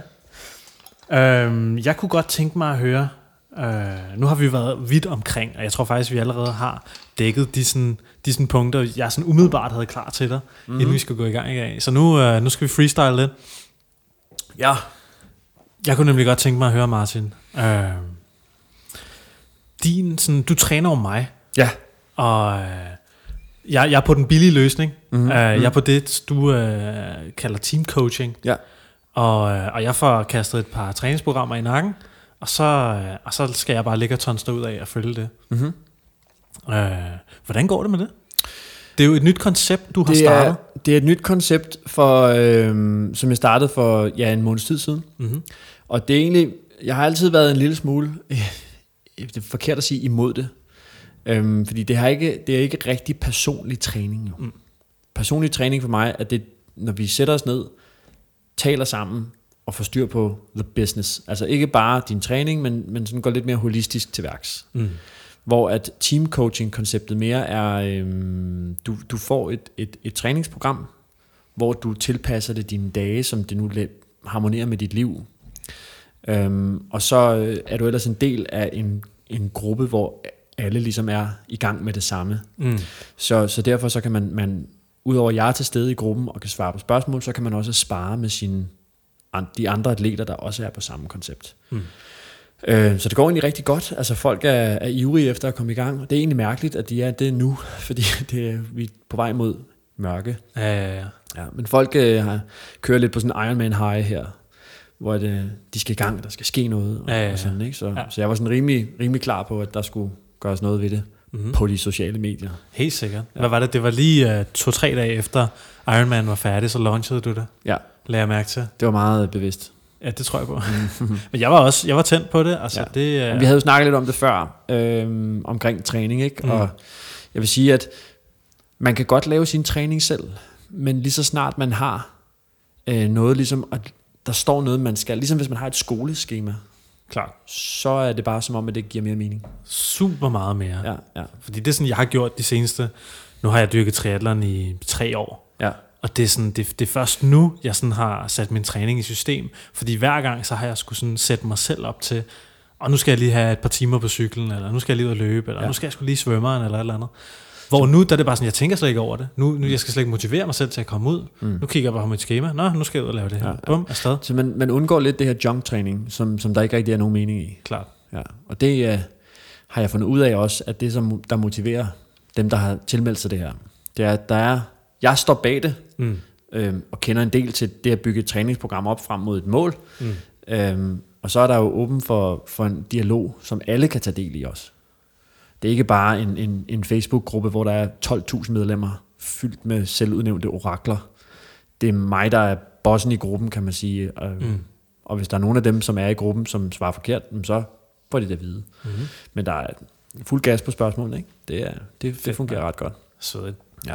Jeg, jeg, jeg har jo stadigvæk atleter på en personlig øh, basis, Mm. altså som er på den store pakke, kan man sige, som Renny var. Øh, og som er, nu har jeg to triatleter i den her weekend her, som er nede og lave Ironman nede i øh, Italien, Mm-hmm. hvor de vil kvalde til Hawaii. Oh ja, det er jo også, hvad er det, 24. oktober eller sådan noget? Ja, ja, men de vil så kvalde til næste år. Hawaii okay. Er, er lige om lidt. Jeg har en atlet, der har kvaldet Okay, til Hawaii. hold da kæft. Ja. Så der skal noget gives gas. Og det er en, øh, det er en age group atlet? Ja. Okay. ja. Jeg er træner for øh, primært age group, og jeg har en pro. Okay. Og det er en fyr, der hedder Michael, som er øh, meget ambitiøs også, og vil en hel masse med sporten, og har været øh, i sporten i mange år. Ikke? Mm. Ja, hans og mit forhold er, han, kender, han er selv træner, og kender en hel masse træning, men selv trænere og coaches har behov for at blive coachet. Selvfølgelig. Øh, bare lige for at få nogle andre øjne på det. Øhm, og jeg kunne også godt forestille mig folk, der måske er plantebaseret, en gang imellem har behov for at få noget nyt input Selvfølgelig. i forhold til opskrifter, eller til at anskue tingene anderledes. Ikke? Helt sikkert. Så det er altid godt at have en vejleder, Helt sikkert. eller en mentor. Klart. Jeg har fundet ud af, at det er at samle et, øh, et vigtigt team omkring sig, hvis man beslutter sig for at gøre et eller andet positivt team. Det, er- det virker. Helt sikkert. Giver Det er faktisk, apropos det, øh, vi får jo beskeder ind fra vores lyttere, Ja, hvor at øh, der er også, vi har blandt andet haft en inden, øh, eller en, der har skrevet, øh, og jeg, jeg synes, det er også noget, jeg selv har oplevet, sådan, folk føler sig sgu alene, når de kaster sig ud i det her, i det plantebaserede. i det plantebaserede liv Ja. der. Altså, øh, så sidder folk og tænker, hov, nu er jeg sgu den eneste i min omgangskreds, der spiser sådan her. Hvad fanden, øh, hvad fanden, hvad, hvad, hvad gør jeg sådan rent socialt, ikke? Og øh, hvor er mine venner henne, og, og prøv ligesom at finde et, et, et socialt fodfæste. Hvad, hvad gjorde du? Øh, med øh, det plantebaserede? Ja, altså følte du dig alene, eller? Mm, ja, det gjorde jeg. Jeg følte mig meget alene i starten. Mm. Øhm, og folk, jeg sagde det til, at jeg ligesom testede det her af, de dømte mig. De kiggede på mig sådan, Åh, skal du også til at være ham der, der er mega frelst, ikke? Mm. Så sagde jeg, "Nå, men altså, nu, jeg tester det jo bare, slap dog af. Det er jo Ja, ikke, fordi ja. jeg bliver et dårligere menneske. Tværtimod bliver jeg nok snart klogere, ikke? Mm. Øhm, men jeg følte mig alene i starten. Så begyndte jeg at lytte til jer, og jeg lyttede til uh, Rich, Rich Roll, øhm, og fik stille og roligt gang i, en, i et lille netværk. Der, var, der er nogle, igen et socialt medie, ikke? nogle Facebook-grupper, hvor der bliver ivrigt delt ud af erfaringer. Mm. Øh, Jeg begyndte at tale lidt med Kasper Bilton, Mm. også omkring det, fordi at for mig hang det meget sammen med sport, ikke? Ja. Øhm, ja, så stille og roligt så... Jeg har ikke noget mod at være, at være alene i det mere. Nu er min, min kæreste også vegetar, og mange af mine atleter er blevet plantebaseret, og jeg har fundet ud af, at der, er- der er flere derude. Vi er, vi er mange. Okay. Og det er fedt. Altså, ja. mange af mine venner spørger nu nysgerrigt, fordi de kan jo se på mig og min Strava-profil, som også er offentlig, at bror, jeg, jeg kører pissegodt på cykel. Træder masser af watt Mm. og kører langt, og virker som om, jeg har overskud. Ikke? Mm. Hvad, hvad sker der, Martin? Så jeg spiser planter. Ja. Vildt. Det er også, altså, sådan som jeg ser det, så har det virkelig boomet, øh, også i år. Der er sket meget i år, er der ikke? Der er sket virkelig meget, synes jeg. Jeg synes også, at altså, fra da jeg begyndte i januar til nu, er der sket helt vildt. Helt vildt meget. Ja. Men også fordi det er sådan, altså, det bliver taget op i mainstream-medierne. Nu sidder der selvfølgelig nogle, øh, nogle veganske aktivister og, Ja, og skriver ja, lort ja. inde på slagter øh, Facebook, og, og det er så, hvad det er. Ja. Men, øh, men det bliver vendt i du ved, øh, de offentlige store medier nu, ikke? Mm, mm. Og det, bliver, det kommer igen og igen, og så ser vi lige et indslag fra en et supermarked. Hey, øh, der er stor efterspørgsel på de her plantebaserede produkter, så nu, vi, nu har vi sat en helt hylde af til det og sådan noget. Ikke? Og du Mm. ved, det kommer bare igen og igen og igen. Og du ved, de der ringe i vandet, som du snakker om, de ja. Har jo efterhånden spredt sig så voldsomt meget, Ja. At, øh, at, nu begynder man sgu at, at se det, ikke? Jo, altså, altså stille og roligt, så kommer det. Øh, lige pludselig har min lokale øh, øh, Lidl, øh, du ved, øh, alternativer til kød. Øh, så har de sådan noget sojagranulat, Mm. øh, eller de har plantemælk, ris, risdrik, havredrik og alt det her Mm. stående. Sådan, hvor fanden kom det fra? Ja. Det er mega fedt. Mm. Øhm, og jeg synes, at altså, der, er, der er nogle hæftige debatter rundt omkring. Og der er nogen, som har styr på deres shit, og så er der nogen, der på ingen måde har styr på det. Og jeg har bevidst holdt mig helt ud af det og sagt, hvis folk spørger mig, så får du mine erfaringer. Mm. Jeg er ikke videnskabsmand. Mm. Det er jeg ikke. Og øhm, er der noget, jeg tror på, så er det faktisk videnskaben. Så de her, alle de her sådan, pseudovidenskabelige ting, der, der kommer frem i ny og næ, den prøver jeg at, at sortere fra, men jeg kan ikke undgå at lytte lidt til det. Selvfølgelig. Når jeg så lytter til det, så er det op til mig at uddanne mig videre. Og en af de måder, jeg startede på, det var ved at se de her obligatoriske dokumentarfilm på Netflix.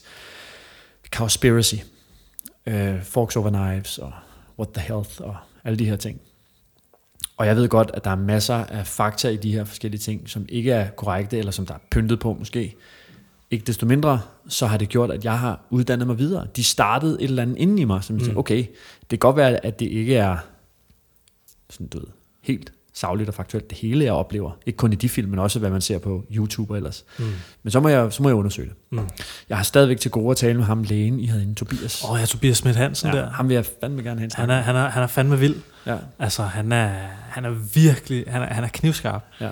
Og det er sådan, han, han er sådan et øh, omvandrende kartotek af viden. Ja. Og det er sådan, du ved, hvis man spørger ham til et eller andet øh, sundhedsrelateret, så vælter det bare ud af munden på ham med sådan studier omkring det her, og det her, Ja. og det her, og det viser det, og kan man stole på det, og, og, og du ved, hvad er evidensen bag det her, og sådan noget. Og det Ja. er bare sådan, det, det er sådan, han er bare sådan en maskine. ja. Uh, Han virker også meget, øh, meget savlig, ikke? Altså, Helt vildt. Og, og da, nu har jeg stadig jeg har heller ikke fået læst deres bog. Jeg fik kun lige mulighed for at slå op i den en dag. Mm. Og de starter jo egentlig med at fortælle, hvad er et studie? Eller hvad, ja, hvad, ja, er, ja. hvad er videnskab? har, har du bogen derhjemme? Nej, jeg har ikke. Jeg har ikke Du kan lige, vi har to, du kan lige låne en med. Åh, det vil jeg vildt gerne. Ja, det vil jeg vildt gerne. Altså, men det, jeg lige så i den, det var netop, nemlig, at de, øh, de fortalte, hvordan man, altså lidt, hvordan man forsker. Mm. Hvordan man Ja. Finder ud af ting ja, lige præcis. på et videnskabeligt plan. Lige ikke? præcis. Ja.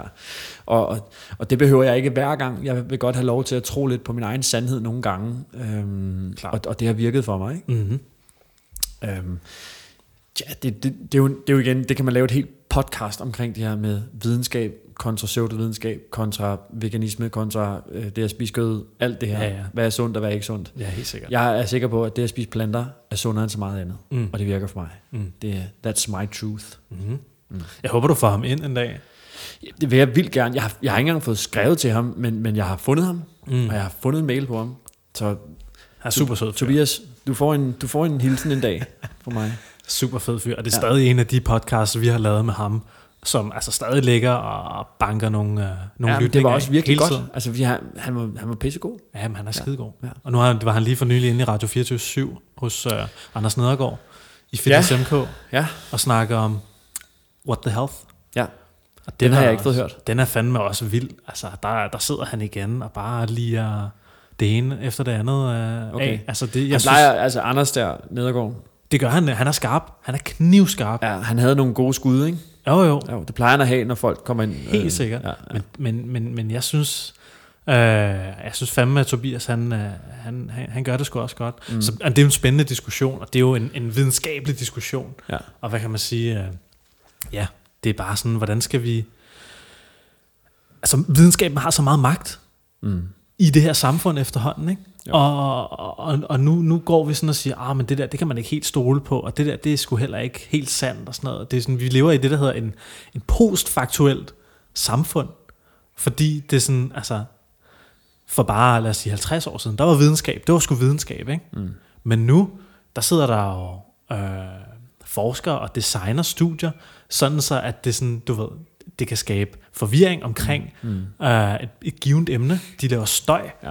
Og det er sådan, øh, det er meget, meget svært at navigere i. Så jeg tror helt sikkert også på, at det du siger med, prøv det på dig selv, mand. Ja. Eksperimenter. Men vi har et ansvar over for os selv i forhold til det her med at lære noget, mm-hmm. synes jeg. Så det kan godt være, at du, du ser What the Health, eller ser Cowspiracy, og så tænker, okay, kan jeg virkelig tro på det? Mm. Og ja, noget af det kan du godt, mm. noget andet af det kan du sikkert ikke, fordi det, det er tv. Men så uddann dig selv. Det har du et ansvar for gennem hele livet at lære noget nyt. Helt sikkert. Min mor sagde til mig, du skal lære noget nyt hver dag. Mm. Jeg har ikke overholdt det helt, men jeg gør mit bedste. Ja. Øh, og, og jeg synes jo netop, det er spændende at grave lidt i nogle emner, men det er heller ikke alting, der kan forklares nej, nej. af, af videnskab. Sikkert. Jo, hvis man du ved, laver et studie på det, så kan alting sikkert godt forklares. Yeah. Øhm, hvordan forklares det, at en, en, en mor, som ser sin øh, datter blive kørt ned af en bil, øh, lige pludselig får superkræfter og går hen og løfter den her bil væk? Mm. Øhm, det er der sikkert nogen, der har lavet et studie på. Sikkert. Øhm, men hvordan forklarer man det? Klart. Det, det, jeg ved ikke engang, om det er sandt. Det er en sådan urban legend, jeg har hørt. Øh, ja. Men jeg tror også, det er sådan, det er sådan en sygelighed, vi har i mennesket. Ikke? Sådan noget med, vi vil bare vide, hvad fanden der sker, og hvad der foregår. Ja. Det, er sådan, det er sådan helt, vi er besatte af, bare sådan at afdække viden og fakta. Ikke? Jo. Og det kan jeg også godt forstå. Ja, Men nogle gange, så skal man også bare give sig hen til, til mysteriet af det hele. Ikke? Ja. Ja. Og bare sige, det ved jeg ikke skid om. Men uh, lad mig prøve det af. Mm. Hvad siger videnskab med kærlighed er, for eksempel? det kan, altså, så prøver man at deducere det til nogle hormoner. Præcis. Ikke? Og, er det ikke nederen? Det, jeg synes, det er super Hold kæft, duper nederen. hvor er det skøjet, mand. Ikke? Ja. Hvis man spørger en eller anden øh, videnskabsmand, hvad er kærlighed? Jamen det er en blanding af feromoner og endorfiner og serotoniner og dopaminer, som alle sammen går i en eller anden kosmisk osmose, mm. og så er vi forelsket. Ja. Okay, det lyder fucking kedeligt, mand. Ja, ja, ja. Og det, jeg, synes, det er, jeg synes, det er rigtig fint med videnskab. Det gør jeg 100%. Jeg synes, det er fedt, og jeg mm. kan godt lide at nørde det lidt. Mm. Jeg synes også, det er rart nogle gange bare at læne sig tilbage og sige, det her er der nogen, der har fundet ud af, og har fortalt mig det godt, så det gør jeg. Mm. Og man er kun et menneske, ikke? Helt sikkert. Ja. Men i forhold til planter, grøntsager er sunde. Ja. Det sagde min mor til mig. Mm. Og det tror jeg på stadigvæk. Hvad siger din mor til, at du er plantebaseret nu? Hun synes, det er fedt. Ja. Hun synes, det er mega fedt. Mm. Jeg havde dem faktisk øh, på besøg i går. Min far havde fødselsdag. Uh. Og så havde jeg lovet, at jeg ville lave et, et rigtig lækkert vegetarisk måltid til dem alle sammen. Ikke? Fedt. Der kom alle, otte mennesker. Hold da kæft. Man. Ja. Og jeg har ikke helt styr på det der med at dosere Nej. mad endnu. Så jeg kom faktisk til at lave for lidt. Nej. Jo, jo, jo. jo. Så der blev øh, investeret i ekstra pizza. For det skal Ej, satans pis. jeg spiste ikke pizza. Jeg spiste det mad, jeg selv havde lavet. Okay. Det var super lækkert. Hold da kæft, mand. Fedt. Mm. Jeg snakkede med øh, Niklas i vores sidste podcast om, at uh, han, han skide godt kunne tænke sig, uh, at hans forældre, og særligt hans mor og stefar, begyndte mm. at spise lidt mere plantebaseret. Ja. Hvad, hvad er din sådan, uh, holdning til det? Er det noget, du sådan, har snakket med dine forældre om? Meget. Øh, især her på det sidste. Min far, han, øh, han øh, fik konstateret cancer. Øh, det har jeg snakket om mange gange i mit eget podcast. Mm. Men hvorom alting er, så, så talte jeg med dem omkring det her med måske at ændre en lille bit smule på tingene, sådan så man kunne minimere de risiko, der var på, på de områder. Altså bevæge sig mere, spise lidt sundere mm. og, og sådan nogle ting. Ikke? Mine forældre går aldrig nogensinde 100% plantebaseret. Mm. Det, det kommer ikke til at ske. Det, det, det er en kamp, som, øh, som de ikke selv har overskud til at tage. Øh, de er også oppe i årene, så derfor så er det, ikke, det er ikke bare noget, man gør, klart. Men vi, de er opmærksomme på, at der er ting, der taler for, at det er sundere at spise mere plantebaseret. Mm. Og det har de taget til sig. Jeg købte en blender til dem, og de laver smoothies for fuld gas. Ikke? Min far, han, hvad han ikke blev serveret af min mor grønne wonder drinks. Fedt, man. Ja. En dag jeg var dernede, så de bor i Køge, så øh, var dernede, så kom, serverer hun et, et glas grønt et eller andet for ham. Ikke? Kan man komme gin i, siger Fedt. Ja, det kan man godt. Det kan man godt. Så. Men det er, jeg tror ikke, at det, det, det er ikke noget, der sker overnight, men vi er også en anden generation, klart. Ikke? Og jeg er spændt på, hvordan mine unger de, de ligesom tager det til sig. Mm. Altså, når de er hos mig, så, så synes de, at vegetarisk mad er fedt, ikke? Mm. Og deres mor faktisk også kommet med på vognen nu. Ej, det fedt, er mega fedt. Hun skrev til mig, okay, nu er jeg klar. Ej, Ja. hold da kæft. Så, øh, så nu skal jeg sådan prøve at- at kaste lidt opskrifter efter hende, ikke? Hold da op. Ja. ja. Det er sgu da for vildt.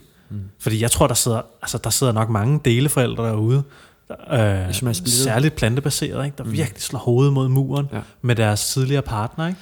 Og det gør det endnu sværere, hvis den tidligere partner så har en ny partner, som ikke er, og sådan noget. Så det her er svært. Ja. Det er mega svært. Ja, ja.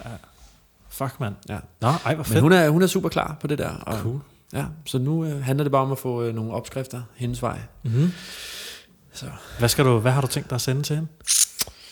Jeg er blevet øh, rigtig glad for quinoa. Ja.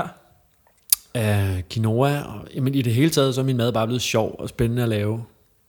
Jeg bruger mega meget tid i grøntsagsafdelingen, når jeg er nede at handle. Hvor Mhm. jeg før gik lige igennem den. Jeg tog måske en pose kartofler, Ja. hen til hylden, hvor der stod en, øh, du ved, en banæs sauce, man lige skulle blande op med fløde og smør. Ja, ja. Og så ned og hente øh, skænkesnitsler, eller noget hakket oksekød. så, var, øh, så var ungerne glade. Mm. Øh, hvor nu, der går jeg rundt og kigger i grøntsagsafdelingen. Oh, økologisk grønkål. Momenum. Spidskål, det har jeg aldrig, det har jeg aldrig prøvet før. Mm. Kan vide, hvordan det smager. Ja. Øh, når man kommer i en wok med lidt chili og lidt østersovs og sådan noget. Ikke? Mm. Men jeg kunne finde på at sende en, øh, sådan en quinoa-salat til hende, som der er masser af protein i og smager super godt. Øh, sådan noget som dressing har jeg Ja. fundet ud af, det er vigtigt for mig. Okay. Øhm, hummus. Oh, det er farligt, hummus. Eller det er ikke farligt, det er, virkelig, det er farligt godt. Det er farligt godt. Der er, hvis man så taler med en, en virkelig pure vegan dude, øh, som Kasper Bilton for eksempel, så vil man sige, der er olie i. Ja, ja. Ja, Okay. Du kan, du, så kan du bare lave oliefri hummus. Det kan du sagtens. Det gør jeg. Øhm, man kan også øh, lave noget lækker dressing med tahin og, Mm. og sådan noget, ikke? Mm. Sesam. Øhm, men det har jeg fundet ud af, alt det her smørelse, man kan komme på sin mad, sådan rimelig hvad kan man sige, omkostningsfrit for ens helbred, Mm. det, det, det, det spiller. Ja. Det gør det. Kan du, kan du lige ryste et par opskrifter ud af ærmet til vores sultne lytter? På, øh, på mad eller dressing, Den der quinoa-salat der, Ja, altså jeg kan godt lide at blande det. Der er jo sort quinoa og hvid quinoa. og rød, ikke? Og også rød, ja, faktisk. Øh, men jeg blander tit øh, hvid og sort. Okay. Jeg har noget med farver. Ah. Øhm, så snitter jeg nogle øh, forårsløg. Super fint. Og kommer op til tomater. Super fint. Kommer op i skålen. Øh, citronskal. Ikke, ikke, ikke saft, men skal. Det giver sådan Mm. lidt mere delikat smag, Kasper. Okay. Yes. Og Husk, kom- de skal være økologiske. Ja, økologiske citroner, for guds skyld. Altså, ja. ellers så bliver du hjerneskadet. Nej, men ja, økologiske citroner. Mm. Øhm, og noget chili. Jeg hakker også fint. Helst noget stærk chili. Ja. Ikke det der fæsende chili, man kan få øh, i, i sådan en eller anden pakke med, øh, med, øh, med sex i. Nej, mm. en, sådan en, en, en, halvdel, halvdelen af en kvart habanero. Okay. Det er godt. Ja. Øhm, så kommer jeg cashewnødder i også. Hold da kæft. Dem hakker jeg ikke nødvendigvis, men jeg kommer det bare op i, og så Mm. en stor pærevælling, Ja, ja. momenum. Så har jeg kommet noget mynte i, og persille. Hold da kæft, mand. Du kan næsten forestille dig farvekombinationen her. Ja, ja. Det, det ser bare lækkert ud. Og så med en, en rigtig lækker chili hummus til. Ej. Så kører det. Oh, nu begynder jeg at blive sulten. Det er vist også ved at være Jamen, jeg har aftensmadstid. Jeg har rester derhjemme fra i går. Ej, Så er du heldig. spørgsmålet om vi skal lukke den her, og så sige, at vi skal have noget mad. Lige før, lige før. Jeg tænker, vi kan lige køre den lidt videre, fordi jeg vil gerne lige høre lidt. Nu har Ja. du haft Kasper Bilton to gange inden Ja. i din podcast. mm-hmm. Øh, hvis ikke du kender Kasper Bilton, så kører han det, der hedder Earthlead, som ja. er en plantebaseret sports hjemmeside, hvor han skriver blogindlæg omkring, øh, og han har sådan et kæmpe netværk af, af plantebaserede atleter derinde. Ja. Super fedt. Tjek det ud. Kasper, han er også en super cool fyr. Og han har det her gratis træningskoncept op i Mimer, også i Mimers Parken om søndagen. Har du været til det? Nej, jeg har øh, det er stadig til gode. Jeg har simpelthen ikke haft tid. Nej. Men øh, Jeg det, har været skulle til være, én gang. det skulle være ret cool. Ja, det er faktisk ret svedigt. Ja. Så Og så er han ved at åbne en øh, vegansk, øh, vegansk spisested også. jo. ja. Ja. de mangler vist en murer, har jeg hørt. Ja, De skal lige have muret en væg op eller et eller andet. ja, Eller pss, smadret en væg ned, tror jeg faktisk. ja. Men de, øh, jeg så dem på Instagram der, de er fuld knald med at male og hele lortet. ja. Og de har jo simpelthen crowdsourcet deres projekt, ikke? Jeg tror, de har samlet, hvad var det, hvad fanden var det Kasper, han fortalte mig? De havde samlet 40.000 ind, Jamen, ja, var det ikke noget med, at køkkenet skulle laves? Eller Jo. Noget? Ja. og de skulle købe køkkenudstyr og sådan noget. ja, det er jo præcis. ikke billigt. Nej, nej, nej, nej. Det er jo for vildt. Altså, at man ligesom har kunne crowdsource. Simpelthen bare, folk de har bare kastet penge i nakken på dem. Mm. Vi vil sgu gerne have den her Plant Ja, Power ja. Food Café her. Præcis. Altså jeg havde jeg inviteret Kasper ind både øh, første gang og anden gang, fordi at vi havde både sporten til fælles, altså vi dyrker en masse sport, mm. men også det her med maden selvfølgelig. Ikke? Mm. Og vi kunne tale lidt omkring øh, øh, makroer og, og sådan nogle ting. Og det er super spændende, og det er faktisk noget, jeg vil gå ind i dybere nu her. Okay. Øhm, men han er en kapacitet inden for den her verden her. Helt sikkert. Helt der. sikkert. Øh, man kan sige, han, han er jo virkelig øh, dedikeret. Ildsjæl. Øh, ildsjæl for det Ja, her. ja. Og, og derfor, så øh, folk, der, der sådan udefra ser det, kan, der kan jeg godt forstå, hvis det virker en lille smule øh, skræmmende. Mm. Øhm, ikke, altså han er jo super fredelig. Ja, Kasper, ja. skal, han er super fredelig fyr. Men han kan godt dele vandene lidt. Han kan nemlig godt dele vandene lidt, øhm, og det, men det kan mange veganere. Helt sikkert. Ja. Helt Ja. sikkert. Der er nogen, som, som får en meltdown på de sociale medier, ikke? Jo. og føler, at de skal ytre sig, Ja. men så sluk i stedet for. Ja. Selvfølgelig kan man godt, du ved, være en ildsjæl og, og ytre sig, hvis det har et eller andet højere formål, men der bliver også bare kastet rigtig meget med mudder Ja, det gør i, i den debat der. Ja. Øh, skræmmende meget. Ja. Jeg så øh, Morten Svane, han havde et, et indlæg på sin Facebook, hvor han skrev, veganer, du har et kommunikationsproblem. Mm. Øh, det er der nogen, der har. Nogen, Helt sikkert. Øh, men, men der er også rigtig mange veganere, som bare er super fredelige og, øh, og ikke har behov for at, at ytre sig så negativt. Vi skal alle sammen være her for helvede. Helt sikkert. Ikke? Helt sikkert. Det er også noget, jeg sådan virkelig prøver, øh, især med plantetinget. Ikke? Ligesom gør op med den her diskurs og den her måde, vi taler Præcis. om plantebaseret mad på. Ja. Det er ikke bare, altså det handler sgu ikke om, at øh, der er en masse dyr, der bliver undertrykt og slået ihjel, og, og industrien er helt fucked. Det handler om, at vi gerne vil være nogle bedre og sundere mennesker, mm. og bare have det godt og være mm. i overensstemmelse med alt omkring os. Ja. Men der er jo, som sagt, der er jo sindssygt mange dyr, der lever i kummerlige vilkår. Hvis man ligesom ser på det oppefra, så er det jo så er det ulækkert, ikke? Helt sikkert. Men vi er nødt til at forstå, at det er en, der er en, en, det er en proces. Helt sikkert. Du kan ikke tvinge noget ned i halsen på folk, Nej. hvis de ikke er parat til det. Helt sikkert. Øhm, så derfor så stille og roligt, så Ja. ja. kommer det. Og, altså nu har jeg spredt øh, nogle ringe i vandet Mm. og fået øh, 10 mennesker til at lytte til mig. øh, og de spreder så deres ringe i vandet. Stille Mm. og roligt, så, så sker der en uh, la revolution. Ja. Ikke? Jo. Så bare have lidt patience med folk, ja. i, stedet for at, at hate. Så, Ja, helt sikkert. Ja. Ja. Også bare, det er så nemmere, altså det er så meget mere spiseligt at høre nogle positive, inspirerende historier, ja. Ja. end at få at vide, at man er en morder. Præcis. Det er sådan, det er sådan jeg ser. Det, det virker her. ikke. Det virker, det virker ikke at kommunikere sådan. Det, det, jo, det, det, det en, et, et land, tror jeg, Israel eller sådan noget, der, der, var en, en, der blev øh, en stor del af befolkningen lige pludselig veganere. Ja, det er rigtigt. Jeg tror, det var Israel. Og der havde den der sådan hadretorik, den, Ja. havde, den havde virket. Ja, okay. Men danskere er bare et andet folkefærd. Fuldstændig. det virker ikke. Fuldstændig. Så øh, lad det være en opfordring, både til øh, dem, der ikke er plantebaseret endnu, men også til plantebaseret at tale pænt til. Klart. Tal, tal nu ordentligt. Ja, tal. Sig nu noget ordentligt. Det har mig og Niklas også snakket om. Vi vil. Ja. rigtig gerne lave en podcast på et tidspunkt, hvor vi sådan snakker om, hvad sådan, uh, ikke, sådan, altså ikke så meget taktik, men bare sådan, hvad er den bedste måde sådan at, du ved, convey det her budskab? Ja. Hvad er sådan den, den, den mest lødige, fine og, og rumlige måde at gøre det her på? Det, uh, det skal I glæde jer til. Ja, Fordi det, uh, det vil jeg glæde mig til at høre. fordi jeg, jeg tror, jeg, jeg, jeg tror, altså, du ved, jeg fanger også mig selv i det nogle gange, ikke? Så sidder jeg sidder over på studiet, på integreret fødevarestudier, ikke? Mm. Og du ved, der, der, er sgu, der er sgu skarpe holdninger omkring mad derovre, ikke? Helt sikkert. Og så, så tager jeg mig selv i nogle gange at, tage den der position der, hvor jeg måske er sådan lidt svær at, at forstå, ikke? Og Mm. måske prøver at, at komme med de der måske lidt, lidt mere aggressive retorikker, ikke? Jo. Og så tror jeg bare, man skal være super hurtig til ligesom at fange sig selv og sige, hey, prøv nu lige at være lidt inspirerende, og prøv nu lige at være lidt, uh, lidt cool. Du skal jo lokke folk med dig. Mm. Du Lige skal jo ikke præcis. skræmme folk med dig. og, det er jo, og, det er jo det, og det er jo det der, hvis ikke du er veganer, så er du en lort. det dur jo ikke. Du sige, Overhovedet ikke. herover hvor vi er veganere, her er det, her er det mega sjovt. Mm. Vil du være med? Mm. Så er du velkommen. Mm. Du, du ringer bare, så ja. må du kigge forbi. Ja, ja. I stedet for den anden sådan lidt hadefulde retorik, som jeg også har mødt, øh, også fra kødspisere mod mig. Ja. Øh, og Jamen, der, den går begge veje. Ja, ja, 100. Altså, da, da jeg ligesom gik ud og sagde, i mit netværk, at øh, eller jeg, jeg, jeg slog det ikke op på Instagram og sådan noget, og sagde, nu er jeg veganer. Slet ikke overhovedet. Men når folk fandt ud af det, så var mange af dem var sådan lidt, en veganer eller en vegetar, er det ikke bare en dårlig jæger? Ja, ja. Og det er bare sådan en, bror, det er fint nok, hvis, hvis du får det bedre med dig selv ved at gøre grin med mig. Det, det, jeg har brede skuldre, jeg kan Mm. godt tage det. Mm. Øhm, det er okay.